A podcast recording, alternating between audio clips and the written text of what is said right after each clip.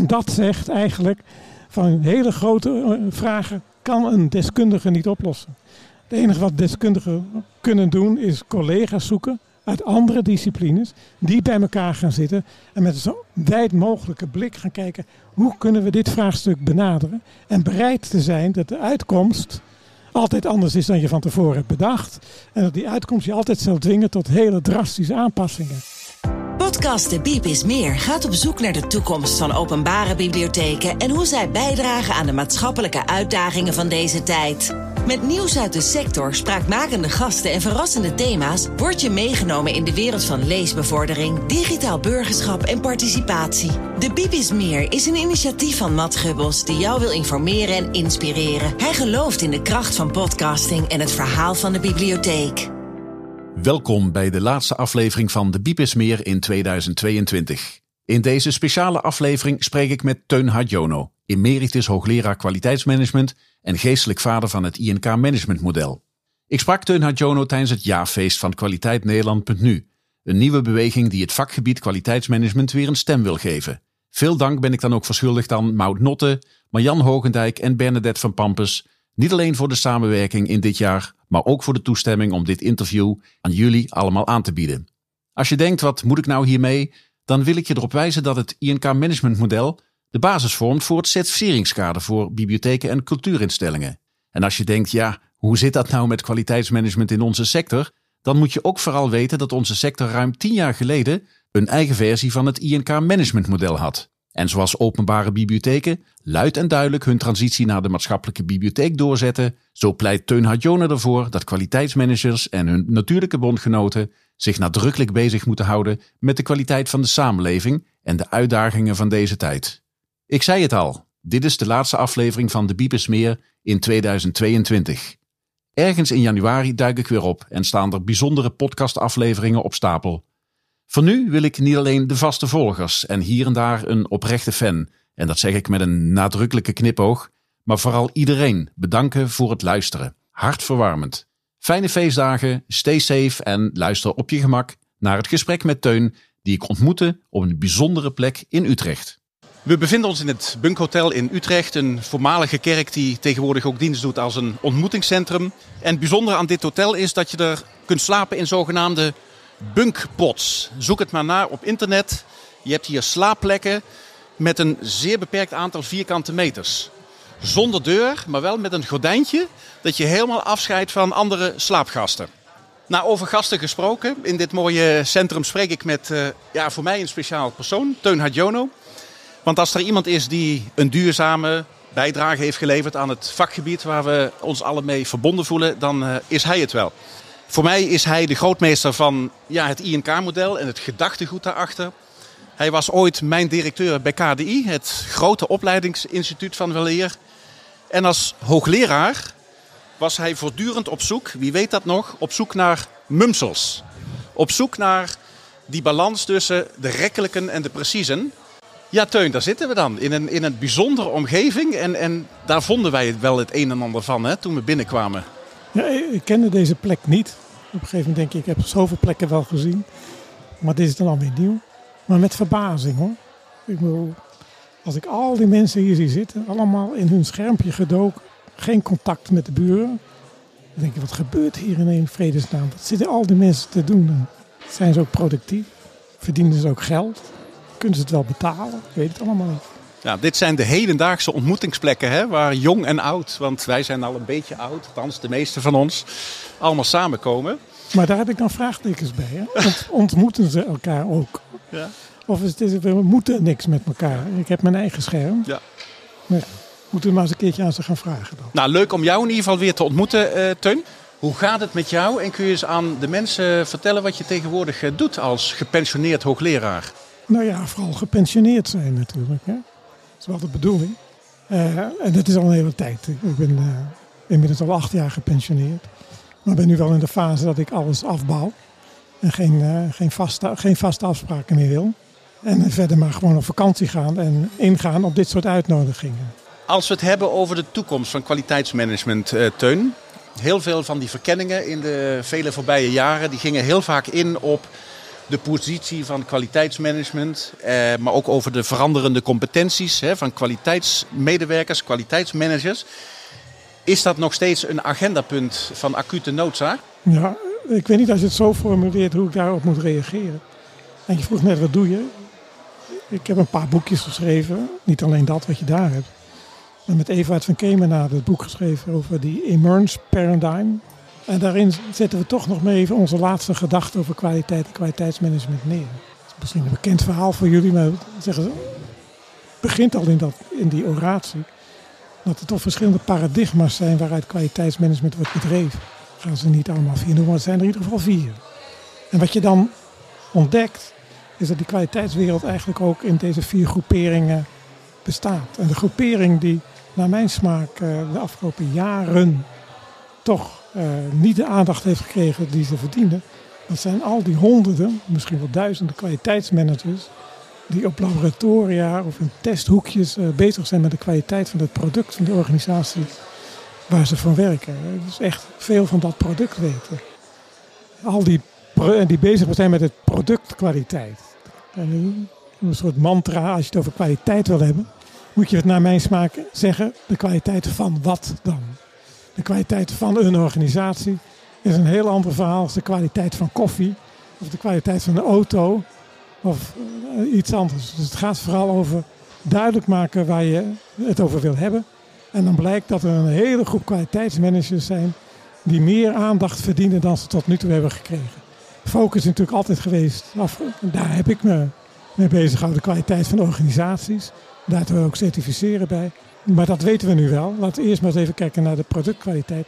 In een tijd waarin de hele grote vraagstukken over duurzaamheid, energie, energietransitie heel erg dichtbij zitten. En vooral die duurzaamheidsvraagstuk en de energietransitie maakt dat we beter en preciezer moeten kijken naar die producten. Daar de grote verandering in zien. En wat dat betekent voor de organisatie is pas een afgeleide. En als je het zo kijkt, is er niet alleen een toekomst, maar ook een enorme uitdaging die opgepakt dient te worden. Ja. Is dit de nieuwe scope, Teun, van kwaliteitsmanagement? Ons bezighouden met de grote maatschappelijke vraagstukken, hè, waar we op dit moment met elkaar diep middenin eh, zitten? Ik weet niet of dat een nieuwe scope is. Het is niet aan mij om dat te bepalen. Maar ik weet wel dat als ik een over een paar jaar weer terug ben van mijn zoveelste camperreis. En ik zie dat daar niks is gebeurd, dat ik wel heel verdrietig word. Dus dat is dus nogmaals, de hele grote groep kwaliteitsmanagers. Allemaal weggestopt in organisaties die nuttig werk zitten te doen. En de aandacht verdienen om te kijken wat voor technieken zij nodig hebben. En dan steun bij elkaar.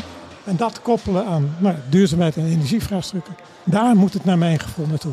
Het werken aan maatschappelijke vraagstukken als kwaliteitsmanager veronderstelt dat we dat doen in fase 5 van het INK-model.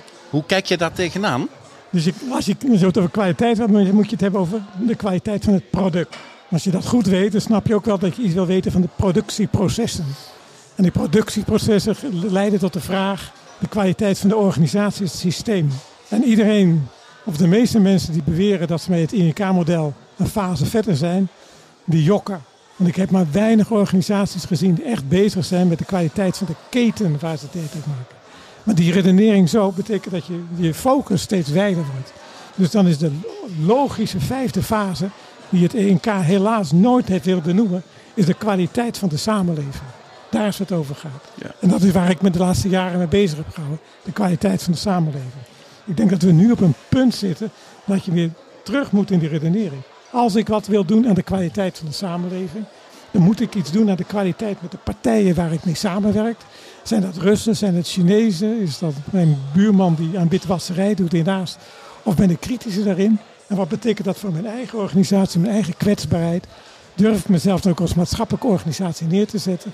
En dan komen de vragen naar de proceskwaliteit en de productkwaliteit vanzelf weer naar voren. En als je het hebt over fase 5, moeten we het eerst met elkaar eens zijn dat de naam moet worden de kwaliteit van de samenleving. Maar goed, zover zijn heel veel bedrijven nog niet. Want als ik alle berichtgeving over Schiphol eh, beluister, dan zit dat eh, nou, nog maar net in fase 1. He, nog net niet hun huis op orde, gezien alle wachtrijen. Ja, dat, dat is helaas. Maar ik denk dat ze zelf toch, ik denk dat het beter is wat je zegt. Terwijl, ik was laatst op Schiphol, het begint wel erg te verloeden. Het wordt er wel heel vies daar, hè? nog los van de wachtrijen. Maar wij zijn natuurlijk echt mee worstelen. Wat is de maatschappelijke rol van een luchthaven? Of wat is de maatschappelijke rol van een, van een uh, vliegtuigmaatschappij. En daar worden door allerlei partijen vraagtekens bij geplaatst. Terecht. Maar ze kunnen nog niet met die vraag omgaan, omdat ze zo vastzitten in hun, in hun marketing en in hun product en in hun doelgroepenredenering en in aandeelhouderswaarde. Dat die houden zich gevangen door serieus over die vraag na te denken. En de afgeleide van die vraag, met wie doe ik dat dan samen, nog niet aan de orde zijn. Ja. En dat, dat ik met verbazing kijk naar de, naar de, naar de boeren. Die helemaal boos worden. Ik, ik snap hun individuele boosheid wel. Onzekerheid naar je toekomst is, ja, onverdraaglijk. Maar nog eens een keer terug naar de vraag: wat is dan onze maatschappelijke rol en met wie moeten we dat dan doen? En dan zouden ze eerder hun te heil moeten zoeken bij al die milieuorganisaties. die ook tegen de regering schoppen. En roepen: het gaat niet snel genoeg. Het moet vluggen en vluggen. Daar in een soort ketensamenwerking met elkaar op zoek moeten gaan. Wat kan onze gezamenlijke nieuwe rol zijn in de maatschappij van de, van de toekomst? Teun, we zijn omringd door kwaliteitsmanagers, kwaliteitsadviseurs en allerlei andere lieden die uh, goede dingen doen in organisaties. Wat moeten deze mensen die hier nu om ons heen staan bijdragen? Wat, wat kunnen deze mensen doen om, om aan dit soort vraagstukken bij te dragen? Anders dan wat ze nu al doen? Nou ja, ik, dat weet ik niet. Als het die kwaliteitsmanagers zijn waar ik het net over had, die heel deskundig uh, bezig zijn met productkwaliteit en de verbetering van hun producten en diensten, moeten ze vooral daarmee doorgaan. Vooral daarmee doorgaan. Maar tegelijkertijd denk ik ook dat ze wel heel voorzichtig in hun organisatie die andere vraag, wat is onze maatschappelijke rol nou eigenlijk precies aan de orde moeten stellen. En een heil dus moeten zoeken bij ja, allerlei partijen in die organisaties. Mensen die in zo langzamerhand een stem verheffen. Al dan niet via de medezeggenschap, al dan niet via strategievorming, al dan niet bij kritische partijen van buiten die voor de deur staan te demonstreren. Te kijken waar kunnen we elkaar vinden, wat kan ik daarin doen. En dan zal je verbaasd zijn dat er nog een heleboel groeperingen zijn waar je mee kan samenwerken. En dat vind ik, dat vind ik dan, moet ik mezelf ook verwijten, is de kwaliteitswereld toch te veel met zichzelf bezig is geweest. En niet hebben gekeken waar zijn, naar mijn gevoel, de natuurlijke partners met wie we samen kunnen werken. En dat zijn niet andere kwaliteitsmanagers, maar dat zijn de mensen die met dit soort vraagstukken bezig zijn. Wat voor type persoonlijkheid, wat voor type professional zou, zou dit moeten doen? Want de, de, persoon die je hier beschrijft is een totale andere dan, even badinerend gezegd, de kwalineut die met zijn bekende instrumentarium de organisatie intrekt. Wat voor mensen zoeken we? Nou ja, kijk, we hadden het even net over één paradigma, het emergentieparadigma. Of het uh, empirisch paradigma. Empirisch meten is weten met kwaliteit aan de gang gaan. Blijven doen dus. Het andere is, waar het hele boek over gaat, is het uh, emergentieparadigma. En dat zegt eigenlijk van hele grote vragen kan een deskundige niet oplossen. Het enige wat deskundigen kunnen doen is collega's zoeken uit andere disciplines die bij elkaar gaan zitten en met zo wijd mogelijke blik gaan kijken hoe kunnen we dit vraagstuk benaderen en bereid te zijn dat de uitkomst altijd anders is dan je van tevoren hebt bedacht en dat die uitkomst je altijd zal dwingen tot hele drastische aanpassingen. Als je dat durft, dat kan, mensen aan het praten krijgen, mensen met elkaar proberen te verstaan en te begrijpen, ook al stonden ze tot nu toe tegenover elkaar, de boeren tegenover de milieuorganisaties, dan kan je wat. En daar is misschien ook wel een persoonlijkheid voor nodig die past voor empathie, maar ook met een passende bescheidenheid. Zeg, mijn rol kan niet meer zijn dan mensen bij elkaar zijn.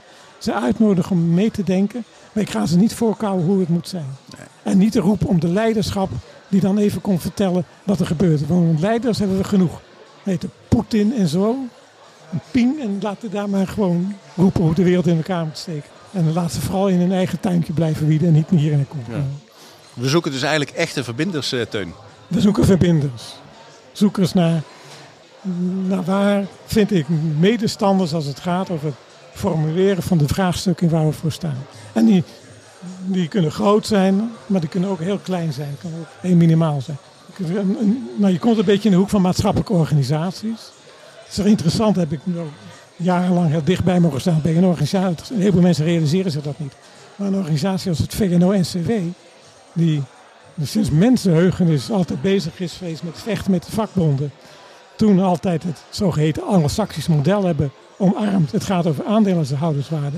Nu intern helemaal zeg, de richting hebben verlegd is wat zijn maatschappelijke organisaties en hoe kunnen wij hen daarin steunen. Nou, dat, helemaal mensen die komen daar niet in die, in die, in die toren. Maar je zou toch moeten gaan vragen wat ze daar dan uitspoken. En je zal verrast zijn over de, zeg maar, de, de voortvarendheid waarmee ze dat proberen op te pakken. Maar ze hebben daar wel hulp bij nodig. Nou, en, en misschien vinden we nog heel veel uh, van dit soort uh, ervaringen hier in deze ruimte. Met, met, al die mensen die ook hè, stiekem voor zichzelf, maar misschien ook heel veel met elkaar samenwerken.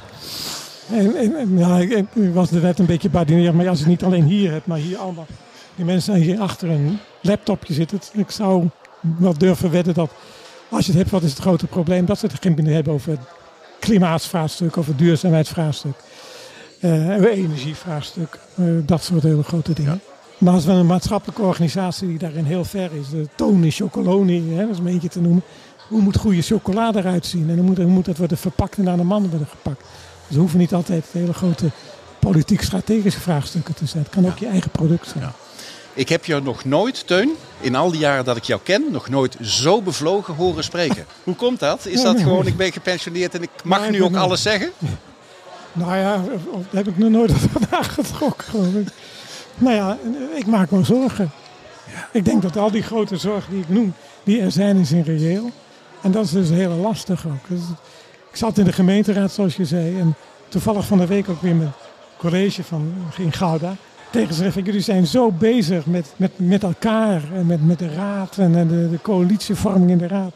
Terwijl de stad zit vol van mensen die, die zorg hebben, die grote zorg hebben. Ik woon tegenwoordig in een heel klein appartementencomplexje. Wij zijn de jongste. Dus de mensen zijn allemaal ouder. Ouder dan 73 is het dus oud hè. In de 80. Maar die zijn allemaal bezorgd. Het zijn bezorgde mensen. Die spreken, ja, hoe moet dat nou? Voor me, nog niet eens, hoe moet het voor mijn kleinkinderen? Maken ze zich al zorgen over hun eigen toekomst. En die willen antwoorden. Die zoeken steun. Nou, dan mag je toch wel een beetje bevlogen over nou, laten we hopen dat die, die zorg en die bevlogenheid daarover teunt. Dat dat uh, ja, bij al die mensen die hier om ons heen staan, uh, ja, dat die is overgekomen. Dat dat ja, weer een volgende drive geeft aan uh, al die mensen om ja, hun werk morgen weer beter en anders te doen. zodat onze samenleving morgen weer een stukje, stukje beter eruit ziet. Um, ja, we zitten midden in een bijeenkomst van kwaliteitnederland.nu. Uh, eigenlijk ook een verbindende bijeenkomst. Dus in die zin is dat uh, eigenlijk wel heel mooi en passend. Wat zou jij de dames van Kwaliteit Nederland.nu uh, willen meegeven voor de toekomst? Nou, ik denk dat de drie dames uitstekend in staat zijn om dat zelf te bedenken. Ik moet overigens dan wel zeggen dat ik zelf wel heel blij was en tevreden was om te zien dat ze heel nadrukkelijk zeggen: wij zijn bij de kwaliteit van de organisatie. Hè. Dat is ons domein. Daarin meedenken. En vervolgens kunnen ze doen waar ik het net over had. Is dit soort bijeenkomsten bij elkaar brengen. En nog kleinere groepjes formuleren. En de mensen de gelegenheid te geven om zich uit te spreken. Want het is natuurlijk leuk dat hier veel mensen zitten. Want dat gesprek komt natuurlijk niet op gang met in zo'n grote groep. Dan moet je kleinere groepjes formeren of settings zetten waarin ze kunnen formeren. En ik ben zelf wel heel blij dat eh, na het overlijden van Arend Oosterhoorn we toch een vorm hebben gevonden om het wintercamp voor te zetten. En in een andere format. Hè? Dus de drie dames gaan dat dus doen. Mag nog een beetje helpen in die beginfase. En het format, dus één zo'n format is hoe je kleine groepen met elkaar in gesprek kan laten gaan. En proberen na te denken van ja, welke openingen zijn er en wat kan ik mee terugnemen naar huis. Dus ik roep ook iedereen op, kom vooral naar het wintercamp. Want zit 2 en 3 maart geloof ik. Want daar is een plek om met elkaar te spreken. Maar er zijn ook andere gelegenheden de loop van het jaar te blijven doen. Probeer het contact van mensen die in ieder geval vanuit de invalshoek naar de wereld kijken, zodanig in te regelen dat die mensen met elkaar in gesprek komen. En dat betekent niet de organisaties, dat hebben we lang genoeg gedaan. Hè? Avond organiseren en iemand ervoor zetten die dan probeert een boeiend verhaal te vertellen. Met 30 mensen in de zaal, dan vinden we dat dan te weinig. Die tijd is voorbij. Nou, laten we ja, dan maar beginnen, Teun, met, met door te praten. En dat kunnen we alleen maar doen door af te ronden. En, en heel erg dankjewel te zeggen voor ja, deze bevlogen blik op de toekomst van kwaliteitsmanagement. Ja, dank voor de, voor de gelegenheid. Bedankt voor het luisteren naar deze aflevering van De Biep is Meer. Heb je zelf een mooi verhaal om te vertellen? Neem dan contact op via info.onderzoekmeteffect.nl De Biep is Meer is een initiatief van Matt Gubbels. Hij gelooft in de kracht van podcasting en het verhaal van de bibliotheek. Graag tot een volgende keer.